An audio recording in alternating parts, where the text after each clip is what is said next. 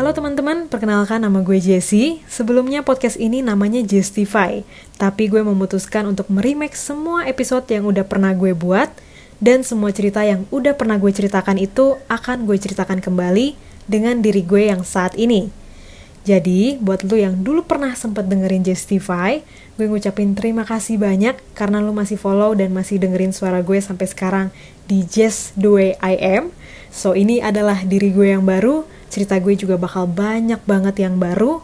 Nah, alasan kenapa gue menghapus semua episode yang lama itu karena gue gak mau mendengar bagaimana diri gue ketika berada di saat itu, yang mungkin masih kacau, masih gak jelas, masih hancur, terus gue juga belum sebaik itu dalam menceritakan kisah gue, cerita gue juga banyak yang belum terkumpul dengan jelas, makanya waktu itu juga gue masih belum bisa melihat the bigger picture dari keseluruhan cerita. Kalau dilihat dari sekarang, gue punya banyak banget orang-orang luar biasa yang udah nemenin gue bertahun-tahun dan lu bisa tanya sendiri, mereka udah menjadi saksi betapa diri gue yang sekarang itu udah berubah dan pastinya semoga menjadi lebih baik.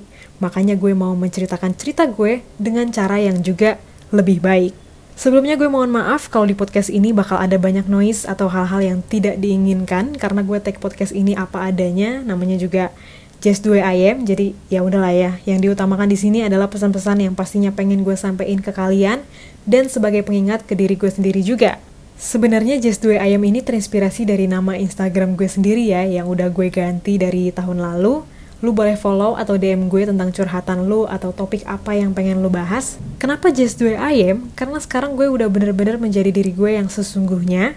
Gue gak menutupi satu hal pun dari dalam diri gue gue menjadi diri gue apa adanya, gue belajar mencintai diri gue sendiri apa adanya, dan gue percaya lu juga harus begitu.